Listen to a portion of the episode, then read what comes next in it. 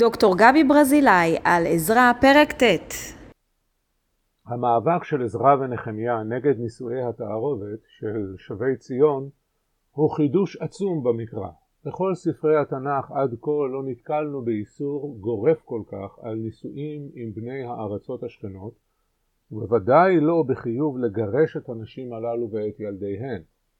גדרי גיור ותהליך התייהדות לא היו קיימים כלל בתקופת המקרא. הנורמה בישראל וביהודה, ממש כמו בתרבויות השכנות, הייתה שאישה הנישאת לגבר מצטרפת למשפחתו, לתרבותו, לאלוהיו, באופן טבעי וללא כל תהליך וטקס.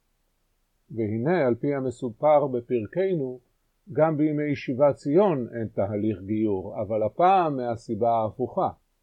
אין כל אפשרות לגייר את הנשים הנוכריות וחובה לגרש אותן ואת ילדיהן כיוון שהן טמאות בנידת הגויים.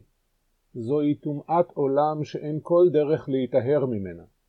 כל קרבה גופנית ונפשית לגויי הארץ מטמא את הישראלי והופך אותו לפסול מלבוא בקהל.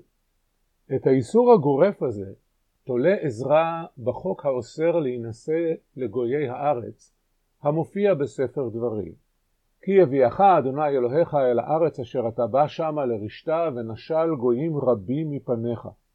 ונתנם אדוני אלוהיך לפניך והכיתם, אחריהם תחרים אותם, לא תכרות להם ברית ולא תכונן. ולא תתחתן בם, בתך לא תיתן לבנו, וביתו לא תיקח לבנך, כי יסיר את בנך מאחרי ועבדו אלוהים אחרים. וחרה אף אדוני בכם, והשמידך מהר. כי אם כה תעשו להם, מזבחותיהם תיטוצו, ומצבותיהם תשברו, ואשריהם תגדעון, ופסיליהם תשרפון באש. כי עם קדוש אתה לאדוני אלוהיך. בך בחר אדוני אלוהיך להיות לו לעם סגולה מכל העמים אשר על פני האדמה. דברים פרק ז' פסוקים 1 עד 6. אלא שהסיבה לאיסור בספר דברים שונה לגמרי מהסיבה שניתנת בספר עזרא. ספר דברים אוסר להינשא לכנענים כדי שלא ללמוד ממעשיהם ולא להשתתף בעבודת האלילים שלהם, אך איננו רואה בבני עם זר יצורים טמאים מעצם מהותם. ספר עזרא לעומת זאת רואה את הנוכרי כיצור שונה מהותית מהישראלי, אשר כל מגע איתו מבטל את המהות הייחודית של זרע הקודש.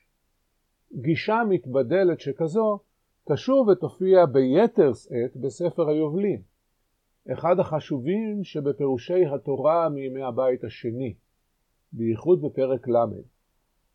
ואילו נביא הנחמה שדבריו מובאים בספר ישעיהו פרק נ"ו, ישלול אותה בכל עוז. אכן, הוויכוח על סגולת עם ישראל ועל מהות נבדלותו מעמים אחרים הוא ויכוח עתיק כימי התנ"ך.